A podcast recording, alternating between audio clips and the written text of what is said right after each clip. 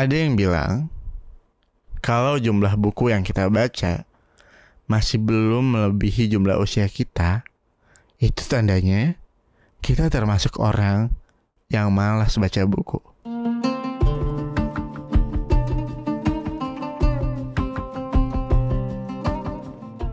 Assalamualaikum, hai aku Ibra, ketemu lagi di Takjil hari ini. Podcast persembahan Kukila untuk nemenin kamu nungguin buka puasa selama Ramadan.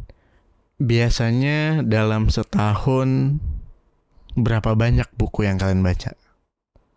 Menurut sumber-sumber yang aku cari sih seharusnya seorang itu itu minimal banget bisa baca satu buku setiap bulannya.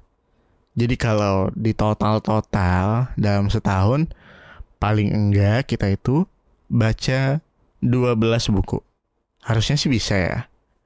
Karena baca buku itu yang paling penting uh, modal niat dan mau luangin waktu setiap hari aja. Gak perlu lama-lama kok. Mungkin 15 sampai 30 menit setiap hari udah cukup untuk permulaan. Nah, mumpung ini bulan Ramadan, kalian bisa luangin waktu untuk baca buku sambil ngabuburit. Udah pernah coba belum? Daripada main HP doang kan? Kenapa nggak sekali-sekali baca buku aja? Hitung-hitung, sekalian nambah ilmu juga. Tapi kalau kalian bingung mau baca buku apa, kali ini aku bakal kasih tiga rekomendasi buku yang wajib kalian baca. Buku ini adalah buku yang bergenre non-fiksi. Di bidang pengembangan diri yang pastinya bakal berguna banget untuk pertumbuhan diri kita. Pertama, ada buku Think Again yang ditulis oleh Adam Grant. Udah pernah dengar? Kalau udah pernah dengar, ya emang ini buku emang fenomenal banget. Termasuk salah satu buku pengembangan diri terbaik. Think Again adalah buku yang membahas tentang pentingnya kita melakukan rethinking alias berpikir ulang terhadap hal-hal yang udah kita ketahui sebelumnya. Pernah gak sih kamu ketemu orang yang merasa dia tuh tahu segalanya gitu? Atau si paling bisa segalanya? Kadang ada juga kan orang yang sangat bebal buat dikasih tahu, gak mau nerima nasihat, gak mau nerima kebenaran. Kenapa sih dia kayak gitu? Ya, salah satu alasannya karena dia nggak mau mengosongkan sedikit gelas yang ada di kepalanya. Istilahnya kalau sekarang sih nggak open minded ya, gitu. Dia merasa bahwa apa yang udah diketahui, ya itulah yang benar. Sehingga nggak ada ruang lagi di dalam dirinya untuk mendengarkan atau mempelajari hal-hal baru yang bisa jadi lebih baik atau lebih benar daripada apa yang udah diketahui. Buku Think Again ini juga ngajarin kita untuk lebih sering bertanya dan berpikir kritis. Nggak masalah banyak tanya daripada so tau. Dengan kita yang sering bertanya, otomatis kita juga akan tahu semakin banyak hal dan biasanya orang bilang semakin kita tahu banyak hal, semakin kita merasa bodoh atau nggak tahu apa-apa. Maka dari itu, Think Again ini bagus banget buat menyegarkan pikiran kita. Dari buku ini, kita bakal tahu bahwa penting banget untuk sering-sering melakukan rethinking, unlearning, dan relearning terhadap segala sesuatu. Kedua, buku The Power of Language yang ditulis oleh Shin Do Hyun. Buat kamu yang pengen banget memperbaiki pola komunikasi, perilaku saat berinteraksi, sistematika otak saat berpikir, dan merangkai kata menjadi obrolan, aku saranin banget buat baca buku ini. Bukunya terbilang praktis, gak terlalu tebal, dan berisi panduan yang runut.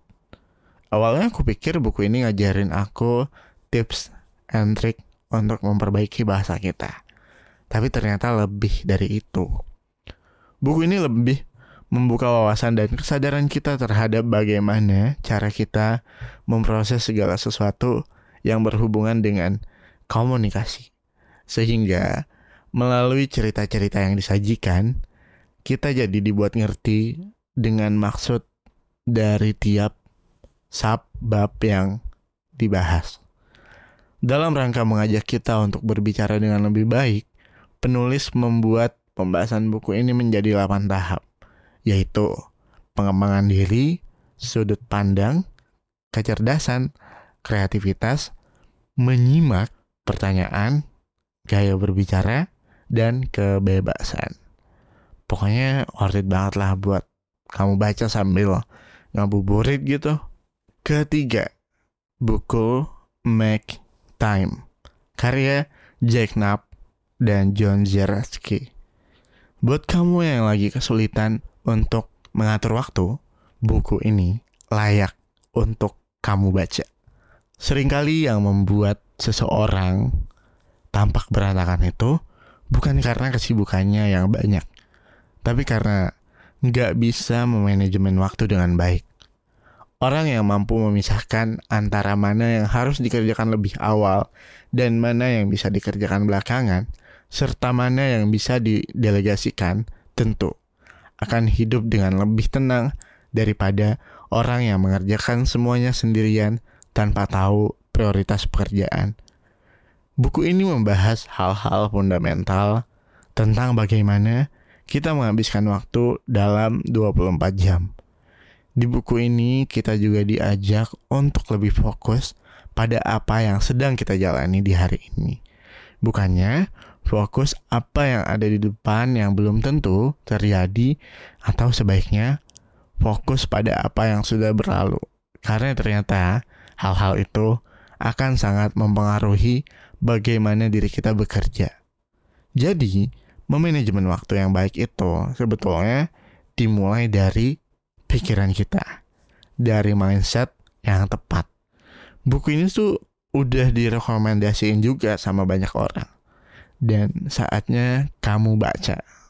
Itu dia rekomendasi tiga buku pengembangan diri yang keren-keren yang kamu bisa baca fisiknya atau beli di e-booknya.